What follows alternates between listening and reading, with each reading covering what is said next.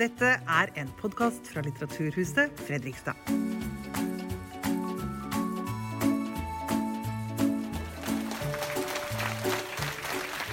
Kampen for et verdig liv for taterne og romanifolket. Eh, med oss så har vi Elias Marenius Akselsen. Han er, er eh, tater og musiker. Så har vi biskop Kari Mangerud Alsvåg, vår nye biskop i Borg bispedømme. Og ytterst på flanken har vi Holger Gustavsen fra eh, Magnor Eidskog. Vi skal nå høre litt om eh, oppreisningen for eh, taterfolket, og litt om tater- og romanifolkets historie. Og hvordan det er å være tater i dag. Det er kanskje mange det er mye stigma, og det er mye, man har mange forestillinger om hvem, hvem tateren er. Men nå har vi muligheten til å bli litt bedre kjent med dere. Så jeg tenkte kanskje å spørre deg litt om hvem er dere? Altså, hvem er, hvem, hva, er en, hva, hva, hva vil det si å være en tater? En tater det er et, et nomadefolk som uh, reiste sommer som vinter. De var et uh, folk som reiste fra bygd til bygd. De kom uh, fra forskjellige land. Men mesteparten av de taterne som er i Norge, de kom via Sverige. Og vi har jo, jeg bruker å si at vi var de første innvandrerne som kom til Norge. da. For er konstatert at det var den første tateren som kom. Den kom til Trondheim 1499, har jeg hørt. Og da slo han seg ned på et sted som heter Ilsekøra, har jeg hørt. da. Og der forplanta han seg, da. Og ble et stort folk, da. Og,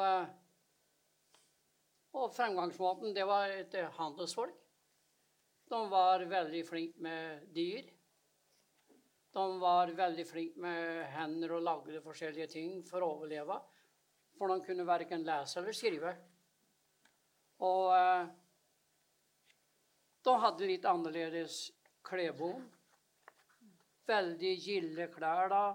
Og det som var eh, rosina, da, kan du si, det var hueskauter. Det kunne de aldri gå uten. De hadde hueskauter. Og så hadde de store brosjer. Var veldig glad i gull. Og det som var som, Ja. Og eh, de tok seg av barn og familier. da. Mannfolka de var handelsmenn. da, Reiste på markedet og handla med klokker og kniver, hester.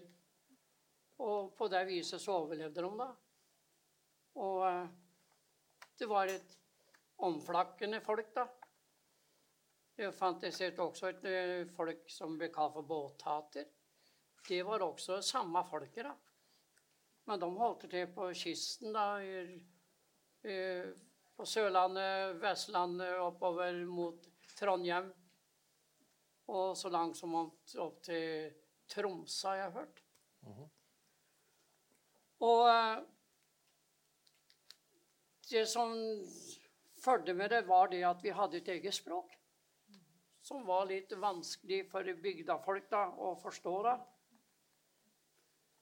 Og så begynte også, som jeg forstår, da For mamma mi hun ba Fader vår på romani. Og vi kaller jo Gud for djevel. Og når hun ba da 'Djevel hilper av årsnus', Gud hjelp oss, så betyr det på norsk, da, men så hørte myndigheter dette. Oi, de ber jo til Satan òg. Så da blir det også et, et, et Det ble jo et veldig forfølgelse at de, at de begynte å kalle oss for satanister. Ja. Men, men, men uh, Holger, du er jo leder av Taternes Landsforening. Uh, jeg har jo registrert, jeg vet ikke hvordan det er i dag, men du kan jo forklare litt. Det er jo Noen mener liksom man ikke skal bruke ordet tater. Vi har, vi har valgt å gjøre det fordi dere mener at det er et, nærmest et hedersbegrep. Men mange mener liksom, nei, vi kan ikke si det, vi må si romani. Kan ikke du si litt om den? Jo, vi kan jo si første gangen Vi er nedskrevet i noen skrifter. Så er nedskrevet i, Sverige i 1512. Og der ble vi omtalt som, som tater. Så det er vel det eldste uttrykket som er kjent Ja. iblant oss. Og vi er jo oppvekst med at eh, tater det, Altså det blir jo kalt taterjævel og tater ditten og tater datten.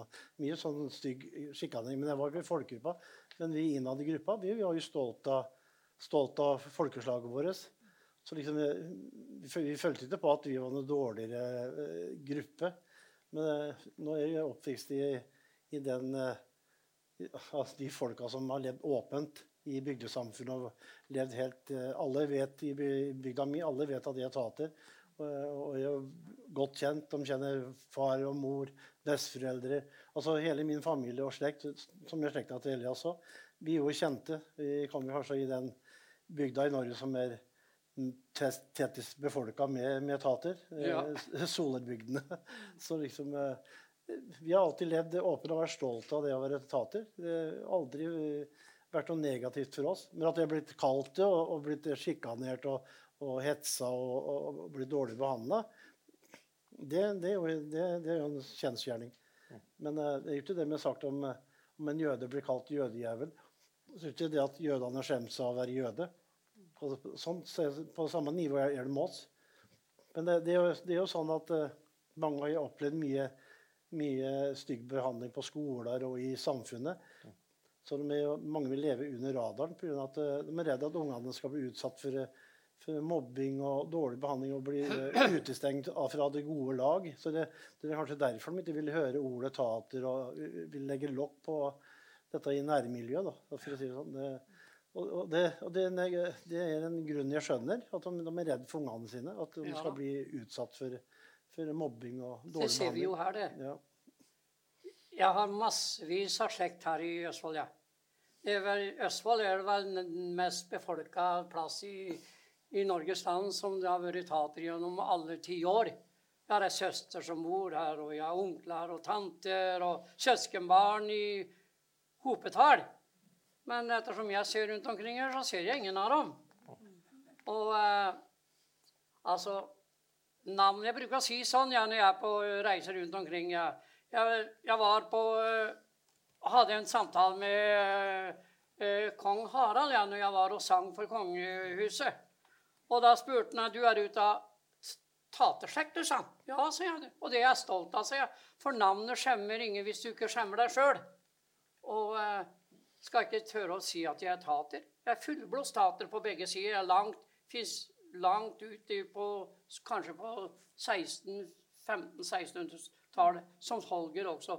For mamma mi og bestefar hans, de var jo søsken. Men, men, men uh, Elias, kan ikke du fortelle litt om din egen oppvekst? Uh, hvor, liksom, hvor starta det? Altså, hvordan, hvordan var livet som tater da du var barn? Det var hardt. Jeg er født i Kjerre, jeg er 27. september på Nes på Romerike. Og det var ikke huslig for tatere, vet du, når du eh, var på landeveien. For at da var de redd for ditt og datt, at de skulle bli nedlusa, og at de skulle bli stært, og gud vet hva de fant på, da. Så dørene var lukta. Og da var det bare å gå landeveien og finne seg i koier. da. Og det var det jo mangevis, mange av på Finnskogen, da. Dårlige klær. Vi hadde ikke noe penger. Vi hadde ikke noe hjem. Det Hjemmet vårt var eh, en, koie, eller i, i telt, da. Bodde mye Så du hadde ikke noe fast bopel når du var liten? Nei. Jeg til og med hadde ikke etternavn engang. Ja. Så når jeg skulle gifte meg i 82, så måtte jeg søke kongen ja, for å få eh, etternavn. Jeg hadde ikke etternavn. På kjørekortet mitt, det gamle kjørekortet så sto det Elias. Ikke noe mer. Så at det, det var harde bud. Det var det. Og vi var redde da, for at det, da hadde de Da begynte jeg tør å si navnet nå, ja. I 1949, etter krigsårene, så får jeg si det at da begynte regjering og presteskap Hitler avslutta her, men nå begynte min med sin egen gruppe. Jeg bygde opp, opp kolonier rundt omkring for han skulle etablere etater og gjøre dem lik alle de andre. Var det noe med, så tok de barna dine, tok dem ut mors favn, og så fikk du aldri se dem noe mer. Vi kommer litt tilbake til, Ja. til akkurat den behandlinga der. eh. Men, Så men, men, oppveksten min, det var det. Jeg har aldri gått på skole. Jeg gikk 14 dager der, ei uke der, tre uker der. Til slutt så hadde jeg gått på 28 forskjellige skoler, ja. Og jeg havna som 16-åring i første klasse. Så at jeg aldri lært Det lærte jeg av kona mi, ja. 40 år gammel, å lese og skrive. Så var det vanskelig for en ung gutt da, når var ute. Det som var det å gå og finne For det var jo skilter, da, damer og herrer, da. Det var vanskelig, da, for da sto det herrer, og så sto det damer. Vi visste ikke for det var vanskelig. Da plutselig kan du gå inn på et dametoalett. Da ble du arrestert for, for å gå inn og være redd for om du skulle bli voldtatt der inne. Nei, det var vanskelig. Det var det. men Holger, um, hvordan var dette livet da, som, som reisende? Hvordan, hvordan var, fortell litt om det. Dette er jo litt ukjent for oss som Ja. ikke har vært der. Jeg hadde jo litt mer skolegang. Men det var jo eh, sant helvete på skolen. Det var jo mobba fra du kom til du gikk. Og, så så det, det når vi var ute og reiste, det så vi på en, som en frihet. Mm. Da, selv om det var fattig og det var kaldt og vi lå i telt. Men likevel, det, jeg husker det når vi var ute og reiste. Vi lå jo på sletter som teltbakker. Vi, hadde jo ikke, vi lå ikke på campinga den gangen. Så vi lå jo på sånne teltbakker som vi hadde, sånne sletter rundt omkring i landet.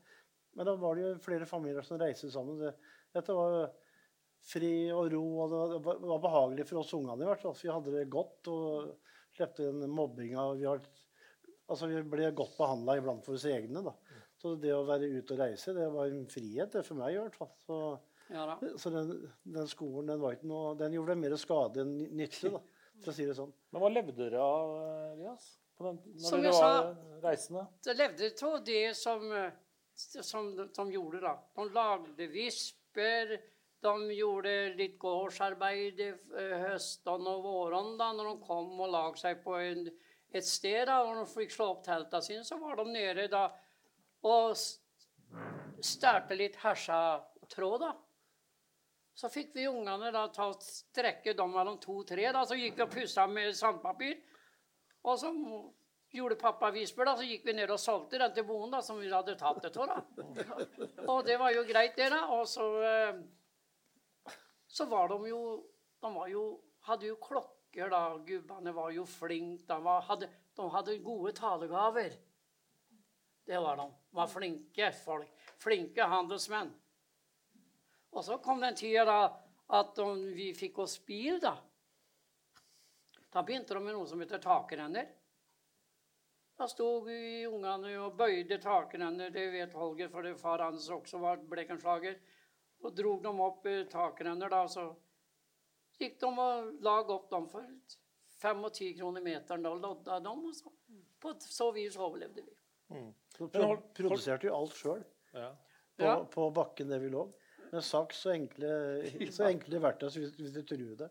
Eh, Men hvordan lever Kanskje et dumt spørsmål, men vi, vi spør fordi vi kanskje trenger å vite det litt mer om det. Hvordan lever taterne i dag? Nå lever de eh, De har blitt mer, mye mer bofaste. da. Og, men det er en god del som er ute og reiser på sommeråret. Og reiser og, og knakker dør og, og, Ja og, og tilbyr tjenester av både arbeid og, og tjenester. Og noen driver som selgere og så, eh, er det- fortsatt et reisende folk, da. Ja, vi er, Ja vi er, vi er jo reisende enda. Det En god Oi. del av oss, da. Men mange, mange, jeg har jo søskenbarn, han er jo professor, så du, du har jo du har jo alle varianter. Men eh, når vi prater om det tradisjonelle levesettet, så, så er det faktisk en del som lever sånn ennå. Men i mer moderne variant. Nå, nå har vi bil og campingvogn. Men når du når han prater om det med, det, med, det med bil Når bil kom for det, eh, Myndighetene innførte jo eh, hesteloven i, i 1951 for å hindre tateren til å reise rundt og, og, og reise rundt i landet. Men eh, de, de feila jo stygt for det de gjorde. De, de, eh, måtte jo levne den hesten og fikk ikke lov å ha hest. Men da kjøpte de i bil. Så de reiste jo mye, mye mer. Og to, kunne reise mye lengre. Så de ble jo enda mer omreisende og kunne farte enda Så myndighetene bomma jo totalt på det. Men den hesteloven den ble jo innført i 51. Og det var jo faktisk Gerhardsen som, som, hadde, som innførte dette. her. Eh, Og, og den ble faktisk oppheva i 73. Så, Ja. så, så litt gammel historie, altså. Så liksom, eh, Vi, kommer, vi skal straks snakke litt om hvordan det offisielle Norge på en måte har behandla taterne. Men, men, men, men eh, en ting jeg som også lurer litt på Dere blir jo nå må vi jo være ærlige, dere ble jo da omtalt som et slags sånn tjuvrader og fantefolk. eh, ikke sant? Hvordan, hvordan ble dere møtt når dere, når dere reiste rundt eh, på bygdene? Jeg må si det at eh, i min ungdom, da jeg var 14-15 og opp til jeg var 20 år, så kom jeg aldri inn på en restaurant i min egen hjemby Kongsvinger. For da visste de det at Elias, Elias er tater. Og vi var jo redd for å få juling, da. Så vi gikk en sju-åtte gutter da, i lag da. Og skulle inn på en danseplett. da. Vi var jo glad i å danse og ta oss en øl. Og glad i å se på jenter og, og litt sånn. Og så gikk det et anrop gjennom byen. Og nå er det en gjeng med tatergutter ute på byen. Og så plutselig så kom det ei svartemaie. Og så måtte vi stå med hendene opp, og så måtte ransake om oss. Og var de så ulykkelige at de fant en kniv da på oss, så ble hele bunten kasta på ei glasshelle. Det var eh, den lørdagen. Og eh, til og med på kino, vet du. Jeg husker og broren min Petter skulle se på James Bond, vi. Og da måtte vi vente til alle hadde gått inn da, for å komme inn. da. Og så vi kom inn, og det var lyset, det var jo halvskumt, da. Og da hadde de gjort en egen egen sats til meg og han, da. Så det var, folk satt i trappa, da, men det var to-tre rekker som sto helt ledig. da. Og det fikk jeg se Petter sitte aleine, da. Mens de andre satt i trappa. Og så måtte vi sitte i kinosal at alle hadde gått ut. Hvorfor det, tror du? Hvorfor gjorde du det? Nei, spør ikke meg. Spør myndighetene. Spør dem som hadde makt. Jeg har mange historier ja, som du, så jeg tror du skulle fått uh, hakeslepp om jeg fortalte deg om det. Hva myndighetene gjorde med unger. Jeg vil også på, å si det når du først prater om det sånn. Altså, så mor mi reiste mye rundt og holdt, holdt foredrag. Og hun var jo enda eldre enn Elias òg. Men hun sa det. Uten snille bygd, bygdafolk Uten snille bygdafolk Småkårsfolk, så hadde, så hadde vi ikke overlevd. Nei. De vi var redd, som vi sa da, det var lensmann og prest. Lensmann og prest, det var som, ja, som Elias sa, det var selve, som selve Satan kom. Altså, da rømte vi inn i skoger, og ja, vi ungene i hvert fall. Hvis vi så en fin bil som kom forbi der vi lå, da var, det, da var det bare å springe inn i skogen og gjemme oss. Så dette, denne skrekken, skrekken som det vi opp, oppvekst med, rømme for politi og, og presten, ja, det var ikke noe eh, kjærlig møte for, for oss. Det var liksom, Da kunne vi bli sendt på barnehjem og ja, Ja. ja, og, så liksom bygdafolket, jeg vil, vil si det, bygda, uten snille bygdafolk så hadde vi ikke overlevd. Nei. Men det var myndighetene, altså lensmann og prest, som vi kalte det. Det var jo de som styrte omtrent hele bygdene. Før det var lensmann og prest. De kom ofte i sammen. Og da, det var ikke noe godt tegn for oss, i hvert fall. Vi skal snakke litt om det nå. fordi eh, i 2015 eh, så ble det så var vel, Det var vel satt ned et utvalg som var ledet av Knut Vollebekk, eh, som kom med en, eh, Det var vel Holger med på, han tror ja, jeg. Det ble jo laga en NOU, som det heter. Da, en norsk Ja. offentlig utredningsrapport. Da. Eh, og, og denne rapporten slo jo fast da at dette og det, det, det, Der siterer jeg. Den var en, en feilslått og nedbrytende politikk, ble det kalt. Og jeg har vært inne og lest i den rapporten. Det er jo ganske tøff lesing, så den kan jo dere gjerne gå inn og lese, finne på nettet. Eh, Men det står sitat eh, Tiltak mot barn var et sentralt virkemiddel i assimileringspolitikken overfor taterne og romanifolket. Barn ble tatt fra foreldrene og plassert i barnehjem og fosterhjem. og omsorg, Omsorgsansvaret ble overført til misjonen. I løpet av to generasjoner fra 1900 ble nesten en tredjedel av barn født i taterfamilier borttatt av barnevernet. Det hadde drastiske konsekvenser for gruppen som helhet. Eh, så, så det vi snakker om her, det er jo rett og slett eh, at myndighetene kom og, og tok Og tok- barna. Uten lov og rett, ja. Altså det, og det kanskje få vet. Altså, de, vi var første gang omtalt i, i 1512 i Sverige. Og de første åra så vi faktisk, ble vi faktisk godt, godt mottatt her, i- her i Norden. Men i 1536 så kom reformen. Og da var det kirka som mer eller mindre styrte. Og da et, et, etter i 1536 så kom det en grusom forfølgelse. For kirka fordømte oss. Altså vi var, jo for, altså, At vi var dyr. Ja, så vi, vi, vi. Altså, De sammenligna oss den gangen med tyrkere og arabere. Og, og, altså, vi var lavstående, altså tyrkere og arabere, og ble ofte omtalt som eh, noe veldig dårlig. Så, liksom, eh, så, så det begynte jo med kirka. Og kirka jeg vet du er biskop, men kirka har vært, vært den store, stygge ulven som har jaga oss og forfulgt oss i, i, i århundrer. Eh, Og i, på slutten av 1800-tallet så starta man opp en norsk misjon blant, eh, eh, blant de hjemløse. Det var han presten Vallum som, ja. som, som starta opp den. Og, og Norsk misjon blant hjemløse de har gjort de groveste overgrepene i moderne tid imot noe folkeslag, i hvert fall her i, i Norge. For her var det, Du prater om å bli satt på barnehjem, men det var på barnehjemmet så ble de misbrukt seksuelt omtrent nesten alle som var der. Altså, de, de fikk juling og dårlig mat. Og, og, og, og, og ble behandla altså, som dyr, altså. Så, så liksom, det, det å komme på barnehjem det høres ikke så gærent ut, men når du vet hvordan de ble behandla på barnehjemmet det var, det var et torturkammer. for eh, Mange som har vært på barnehjem, de sitter og gråter når de prater med meg i dag. Så sitter de og gråter så tårene renner. Altså det, det- er så grusomme historier. For barnehjem skal være et barnehjem. Det skal være trygt og godt. Men når det gjaldt oss, så var det det rene torturkammeret. Altså. Eh, vi snakker altså om 1500 barn. Eh, Ja, minst. Ifølge, Minst, minst, ja, som- ifølge rapporten. Som da blir tatt fra foreldrene med tvang da, eh, og plassert i barnehjem eller fosterhjem. Og, og misjonen, eller ja, øh, denne organisasjonen da, som, som, som måtte fikk dette oppdraget fra, fra myndighetene, de tok, det var de som bodde sånn. Hva tenker du når du hører, hører om denne historien, Kari? ja, Det er helt, det er helt, det er helt forferdelig, rett og slett. Uff. Ja. Det er helt forferdelig. Og jeg har også lest uh, mye i NOU-en og prøvd å sette meg litt mer inn i det. For det, det første som slår meg, er jo Jeg er jo født i 1970. Du sa du er født i 64, like gammel som en mann. Hvor lite jeg vet egentlig. ikke sant? Jeg har jo sikkert eh, gått på skole, og du sa du har jo vokst opp rett ved ved at det var mange tatere der som jeg bodde òg, ikke sant? Og Ja, vokste opp. det, ja. det hele min slekt bodde der. Ja, og at jeg kanskje Han er ikke visste det egentlig. Mm. ikke sant? Jeg kan aldri huske at jeg hørte at det ble snakka nedsettende eller sånn om det. Men, men, men som, å sitte her som biskop i dag og, og vite at jeg på den måten er bærer av en historie som handler om reinspikka rasisme og et forsøk på å utrydde et folk, det, det er jo veldig, veldig vondt. Og jeg vet at Kirken har Dere er jo flinke å si det til meg når jeg kommer, òg, at det er mye forgjengere av meg som også har, har bedt om Ja unnskyldning, ja. ikke sant? Og har sagt at dette var eh, etnisk rensning. Forsøk på etnisk rensning. Vet Ja jeg. Gunnar Stålsett har brukt.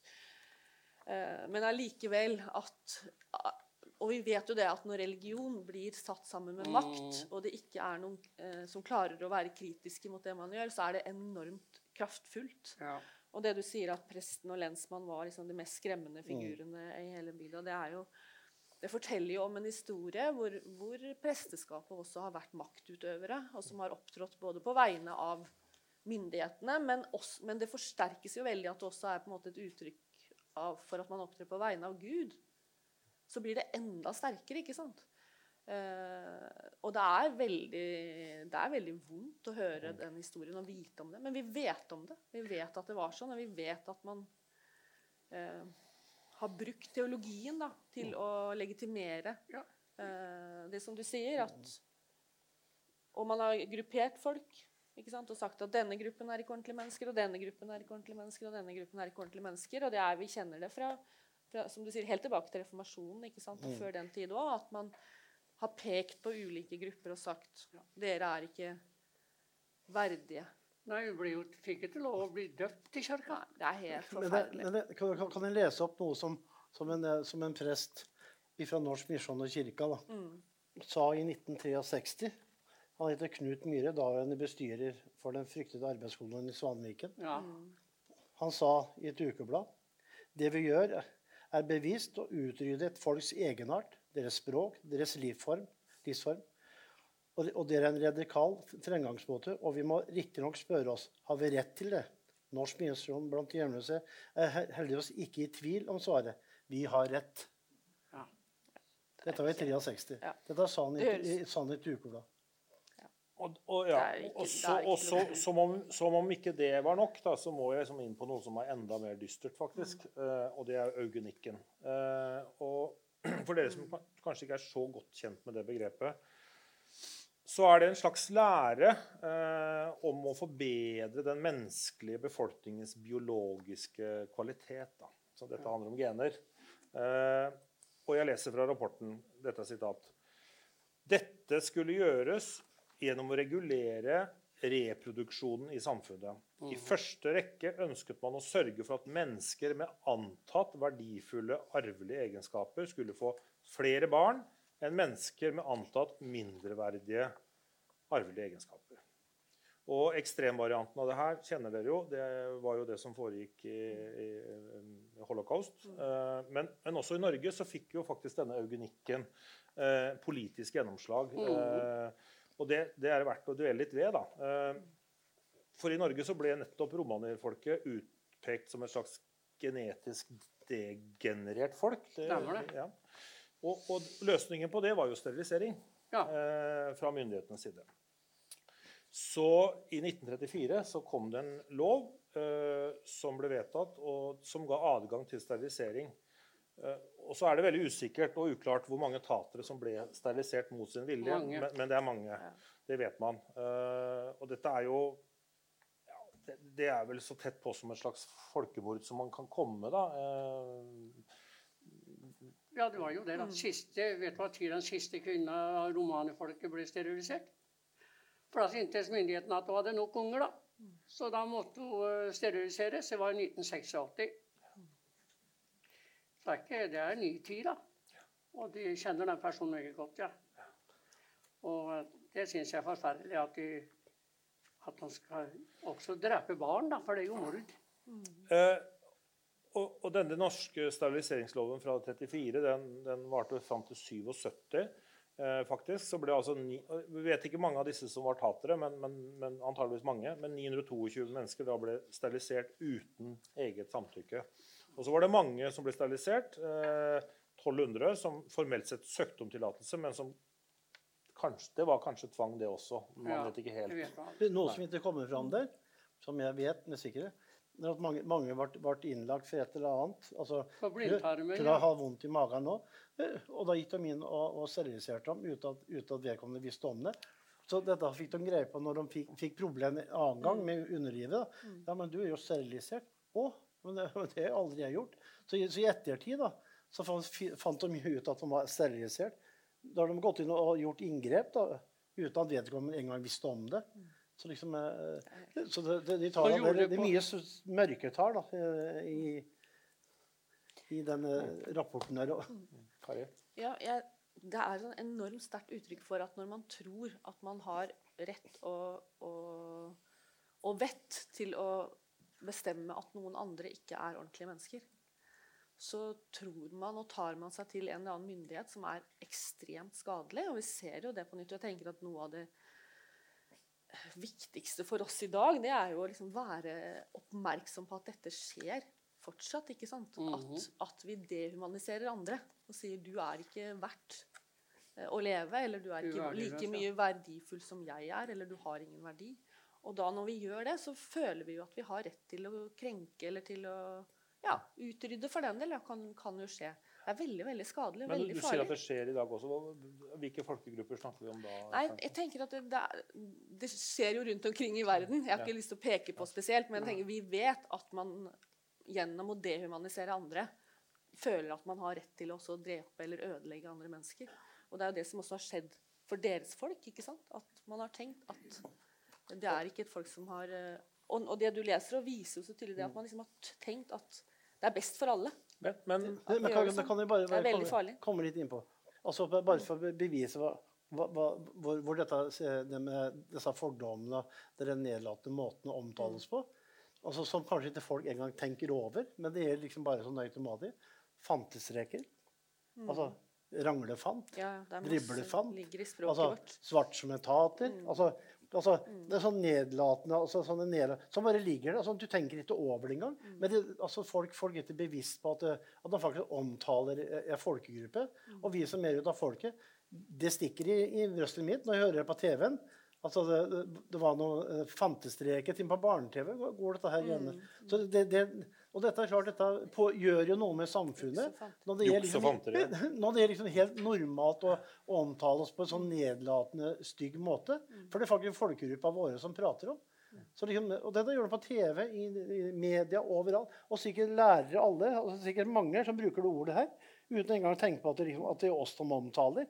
Men det sier litt om åssen hva nedfelt dette er i samfunnet. De tenker ikke over det engang. Er Altså. Ja, det er så inngrodd. Altså. Ja, Men, men, en av de mest må vi nesten si, ikoniske norske filmene som er laga, er jo fra 1937. Og er laga av Tankred Ibsen, og den heter jo 'Fant'. Ja, Eh, og den filmen har jeg sett flere ganger. Det er jo en, det er jo en Den er verdt å se, da, for å si det sånn. Eh, men- Men den, den tegner jo ikke akkurat et vakkert bilde av folket deres. Eh, dere har vel sett filmen begge to, vil jeg tro? Ja. Men men det er en film, da. Ja. Ja, men se Jespersen, da. Han skulle se hvor mange nakne tatere som kunne bli plass i en badstue på Finnskogen. han. Ja. Da reiste jeg inn til ham og spurte om å få prate med ham. hvem, hvem Jespersen snakker vi om nå? Han eh, Otto. komikeren. Otto Jespersen. Otto, ja. Han skrev nå skal jeg til Finnskogen, og så skal jeg se hvor mange tater vi får i ei badstue. Og de skal være nakne. Og da reiste jeg inn. Ja. Og spurte om og Han hadde et show inne i Oslo. Og så gikk jeg backstage den, ja, og så spurte jeg hva han mente med det. Og du er vel tater, sa han. Ja, det er, sier jeg. Men vi du sier, En ting skal du vite, sier jeg. Tatere det er et veldig folk som tar vare på kroppen sin, sier jeg. De har blikksel for kroppen sin, de, sier jeg. Og du skal vite det, Jespersen, sier jeg. Gjør du dette og reiser opp til Finnskogen, da kan jeg love deg det, sier jeg, at da får du juling. Ja, det kan jeg love deg, sier jeg. For det er ikke bare jeg som kommer til å stille der, sier jeg. Det kommer til å stille mange tater der, sier jeg. Og han kom jo ikke, da. Vi fikk aldri en unnskyldning av dem. Men, men Elias, bare for, vi, vi, vi må ikke forlate det, det dystre helt ennå. fordi dette med barnehjem og dette, dette, dette at man må bli fratatt eh, barna sine eh, Jeg vil jo tro at siden det var såpass mange som opplevde det, så har vel det skjedd i kanskje din nære familie også. Ja. Så du må fortelle litt om, om dette her, sånn at vi liksom Ikke dette bare er tall i en rapport, og sånn, men dette har faktisk skjedd eh, med mennesker du kjenner. Jeg har en søster. Hun fødte et barn på Årnes i Romerike.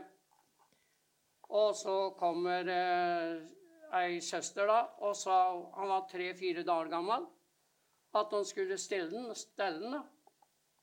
Hun var uven, det var et uvennskap med mannen hennes, da, som det hender i en familie. da. Og så kom de der og visste jo det at hun var tater, da. Og den ungen ble jo borte lenger, da. Og spurte hun.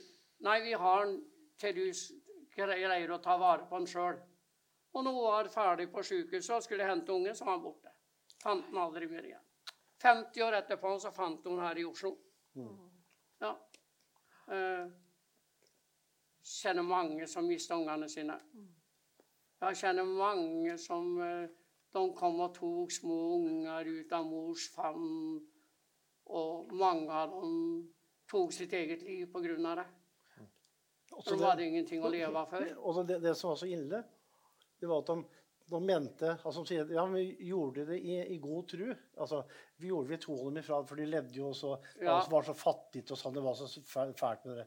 Ja, ja så det kan være greit. Kanskje, kanskje, det var, var, kunne være en grunn for at du gjorde For det, det kan ikke jeg diskutere. Eh, men, men det de gjorde, vet du, de tok ungene ifra noe som de mente var ille, og setter opp til noe som var mye verre. Ja. Altså, det, det var jo, altså, ble jo misbrukt og, og, og, og ble brukt i slavearbeid og, er dårlig mat. Og så, eh, han forrige lederen som satt i foreningen han åt kun kål. Han fikk kål eh, tre ganger om dagen. Kun kål. Så når han så kål når han, han spydde når bare han så kål. Så det, han fikk kål og juling, det var det han sa. Og hardt arbeid. Da var han fem år gammel. Ja. Så og Svanviken der er det ei grav som ingen vet om. Jeg var der i, på slutten av 90-tallet, 80-tallet sammen med Lasse Johansen. Vi hadde et TV-team fra NRK med oss. Reiste på Svanviken, for det var så, sånne små hus som bygde til teatret der. Og det var familie, Der mista de alt som heter ditt identitet. De, der skulle de bli bygdafolk. Og jeg ble tissetrengt, jeg, og nedpå der så går det ei elv. Og så jeg gikk over et jo, gjorde ei blomstereng. Over ei blomstereng og ned til elva og med tre der. Og på veien tilbake så snubla jeg i noe. Det var et, og så tok jeg Det var et lite kors med en dato. Ikke noe mer. Og jeg tenkte jøss, nå var dette er det, er det dyr som er begravd her? Så, og jeg gikk rundt omkring der, og, og, og jeg fant mange 15-20 stykker sånne små kors med forskjellige datoer. da. Noen samme dato, noen sånn. Og så Jøss, hva kan dette være? Og det var rett nedenfor Svanviken, da. Så gikk jeg opp til TV-teamet og spurte om jeg får bli med meg. Så jeg ble, ble, de, de filma det, da. Og sånn. Og, og da sa jeg det at vi skal ha en sånn som kunne gå gjennom og grave opp der for å se om det var noe etter ben, rester etter Og det skulle noen morgener, da, sa TV-teamet, at de skulle ha en sånn professor da, som skulle gå der og, og få opp det. da. Men det vi hadde gjort, til og med at hele, hele den filmen vi gjorde, jeg og Lasse, den ble sensurert. Fikk aldri vite mer om den. Ikke noen ting. Den ble borte. Eh, jeg eh, eh, Jeg tenker eh, Du sa en ting til meg i stad, Elias. Jeg, jeg, jeg, hører litt på tonefallet deres også. Det er, det, er, det en del bitterhet under her, og det skjønner jeg godt hvorfor det, det er. Men, men, og, og det er, statsminister Erna Solberg har jo bedt om unnskyldning på vegne av det norske folk. Men, men det er et eller annet uforløst der under der. For, det, for Du nevnte et eller annet sted at andre har fått oppreisning. Det har ikke, du, må for, du fortelle litt om, om, om at det, du føler ikke at unnskyldningen er liksom Nei, for at Du Det skal jeg forklare, ja. Norsk misjon blant eh, omstreifemisjon, den ble starta av en prest med en Og så, og så fikk de gaver. Og så fikk de eh, gårder hvor de vi fikk ta unger og plassere, da. Familier som Svanviken og alt sånt. Dette ble gitt til at til taterne, da, for at de skulle bli normale, da, som de sa. da. Og alt dette ble jo Ja, det ble jo kirka sin tilbake, da, for de tok tilbake det. da. Selv om de har gått snarveier, da. For de biter jo navn som jeg biter skjorter, da. Ja, Og det lurer det. Det, det, det, det, Jødene fikk oppreisning, fikk tilbake husene sine, alt det som samene fikk tilbake. Også kvenene har fått oppreisning. Men taterne, de de, aldri eh, Vi har fått et fond, da. Men eh, det er ikke alle tater i Norges land da, som kan lage en visp eller lage en kniv. da. Nei, det er noen få da, som har fått den gaven. da. De alle, alle andre den, sier at det er 10% av tatere som er i Norge nå, kan, kan et kulturarbeid. da. Musikken og resten som sitter ingenting. En, eh, alt det som ble, ble borte Svanviken skulle egentlig vært tilhørt til Tatra, for den var i mange, mange mange år. Eilesund barnehjem, mange barnehjem rundt omkring, eiendommer sånn. Så vi kunne hatt en egen plass hvor vi kunne møtes og ha utfolda vår kultur sjøl. Men eh, Men, eh, men, men en, ting, en ting, ting som eh, har gjort meg veldig opprørt altså Norsk Misjon ble jo Det var jo Vibeke Løkkeberg som laga en film i var det 73. mm. som, som gjorde at eh, samfunnet reagerte. For når samfunnet visste nesten ikke om dette. her, altså Dette var, helt, var dysanert, så var det bare noen fåtall som visste om dette. her. Og da ble det en endring på, på, på, på, på Norsk Misjon. De måtte gjøre om politikken sin. Så i 89 la de liksom ned. Men de la ikke ned. så De bytta navn til Kirkens sosialtjeneste. Ja. Og etter alle de grusomme overgrepene, eh, sex, sexovergrep på unger altså det, det er så mye grove overgrep, så det går ikke an å, å prate om det. Altså det er groteske ting de har gjort med barn. Eh, Men det, og, og det, det, som, det som har skjedd Norsk Misjon, da, som alle sa pedofile og det jobba, ikke, det fikk ingen konsekvenser for noen av dem. Det som skjedde, var at de fikk en klapp på skuldra. I dag så har de 600 ansatte. I dag så heter de Crux. De har over 600 ansatte og får flere hundre millioner kroner i bevilgninger. Og det gamle barnehjemmet, med, Svanviken, de, det er Crux som eier enn i dag. Altså, det, mens Tatra de har fått, fått noe oppreisning for, for mobbing og, og liksom 20 000 kroner, 20 000 eh, kroner for et ødelagt liv. Altså, mens, eh, men Crux, da, som, eh, som har gjort alle de grove over- overgrepene altså De får flere millioner i tilskudd hvert år. Og, hadde, og driver de samme stedet. Altså, Ja. altså det, det, det, det, er så feilslått og så motbydelig på meg. Altså, så jeg, jeg, jeg, altså, jeg kan ikke fatte at, at de kaller, kan kalle dette en, en forsoningsprosess eller en oppreisning. Altså, ja, altså, alle disse pedofile som jobba hvor, hvor ble de av? Altså, det prater om mange. Hvor ble de av? Ikke én har blitt straffa. Ikke en, De fikk fortsette i jobben sin og bare drive på. Og fikk en klapp på skuldra som ingenting har skjedd. Det, det, det er nesten noe av det grusomme at de faktisk holder på enn i dag. Helga Byfuglien hun var jo preses, eh, og hun, eh, hun har sagt, og jeg siterer henne her, da Vi vet at ordinerte prester i vår kirke i ulike stillinger og tillitsverv i stor grad knyttet til Norsk misjon, som vi snakker om her, Ja. blant eh, hjemløse, bidro til at alvorlige krenkelser kunne finne sted. Det samme gjorde foreningsarbeid og pengeinnsamlinger i menigheter og kirke, kirke landet rundt.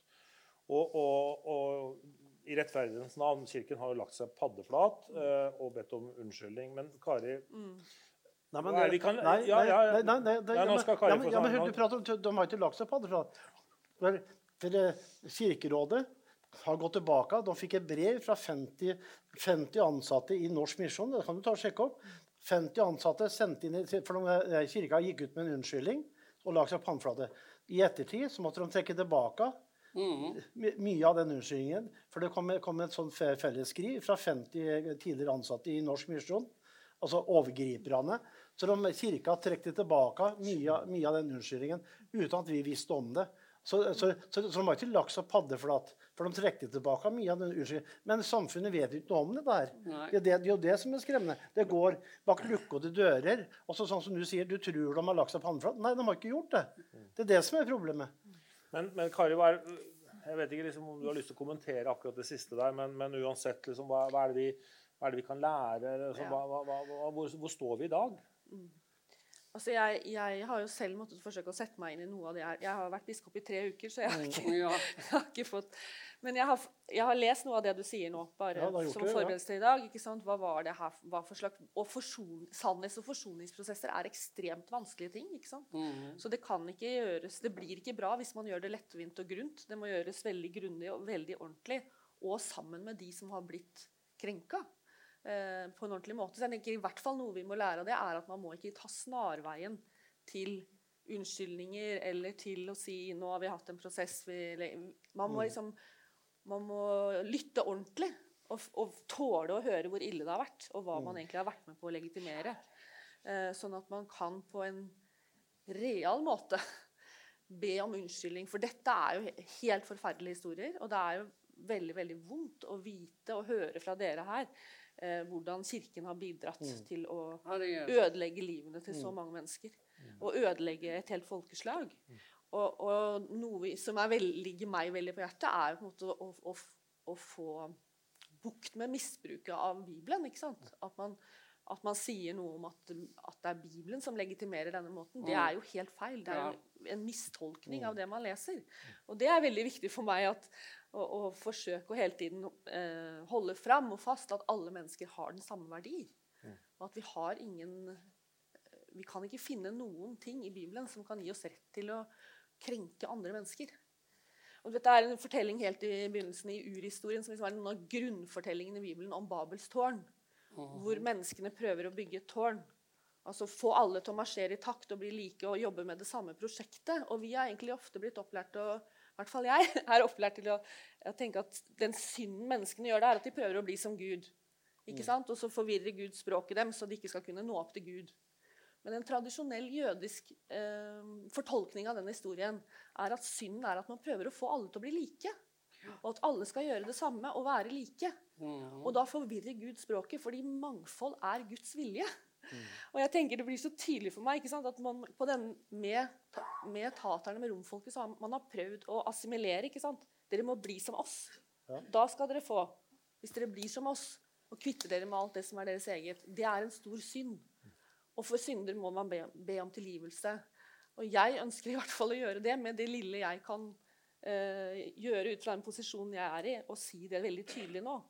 At dette ønsker jeg å be om tilgivelse for på, med den posisjonen jeg har. Og med det jeg hører, så kjenner jeg jo bare på en enorm sorg og en skam over at man har bidratt til denne helt forferdelige historien, og at det ikke tar slutt.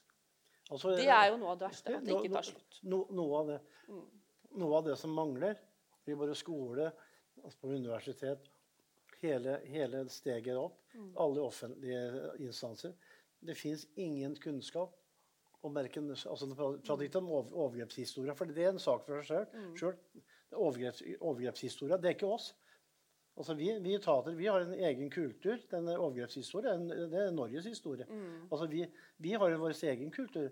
Eh, Så jeg mangler og ville gjerne ha sett at, det, at vi hadde faktisk kommet inn i lærebøker, og at vi Ja. faktisk blitt, eh, blitt synlig litt mer i samfunnet. Vi er usynliggjort eh, både på TV, i media. Eneste, eneste gangen vi står i media, det er de advarer mot omreisende håndverkere. Ja. Ja, og det eneste gang vi, vi, vi blir omtalt, eller er i negativt forstand. Altså, Se opp for om, omreisende håndverkere. Altså, om, omtales alle som gjør noe grusomme mennesker som bare kun gjør dårlig arbeid og bedrar gamle eh, mennesker. Det fins de som gjør det, men de gjør det jo i, i, blant bygdesamfunnet. og Det finnes jo kjeltringer overalt.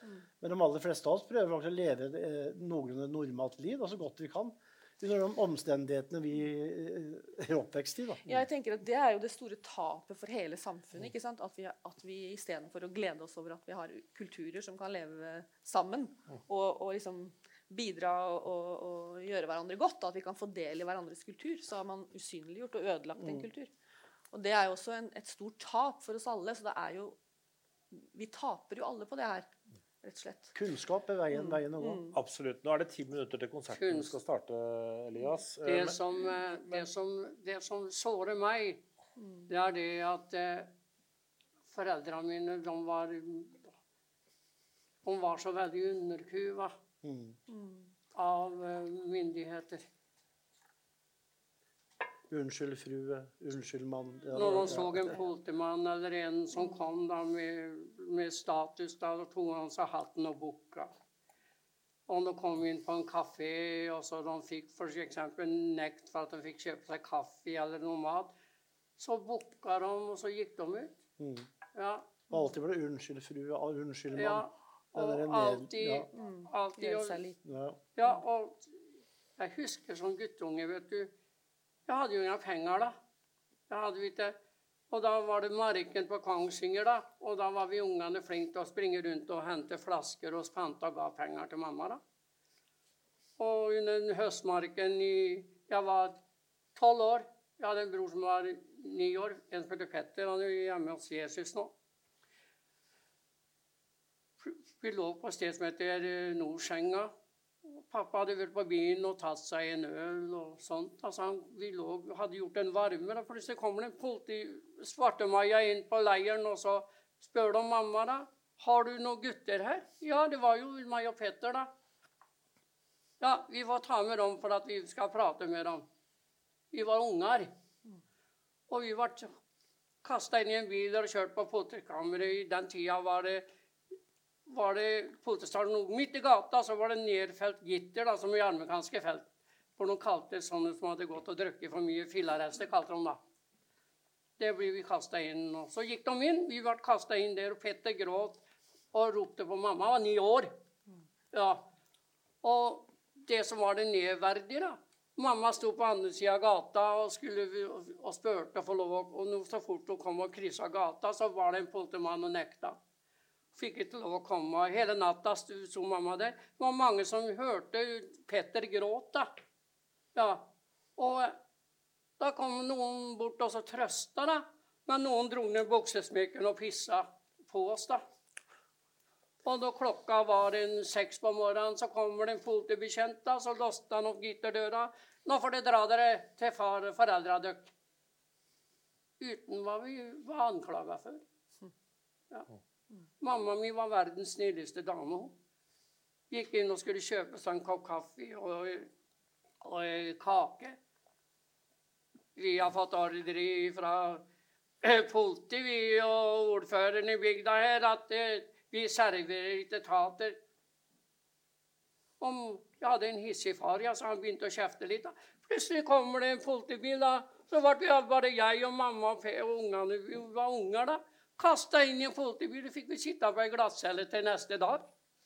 Det, og det, de, de har blitt nekta på, neste, nekta på restaurant. Det, det var jo helt opp til min ungdomstid. Ja, ja. Ja, Så vi kom ikke inn på noe sted. Nå, nå, skal vi, nå må vi dessverre runde av dere. Eh, Men eh, helt til slutt, eh, siden det skal være konsert der om ti minutter, Elias Musikken har vel også vært viktig for dere tatere.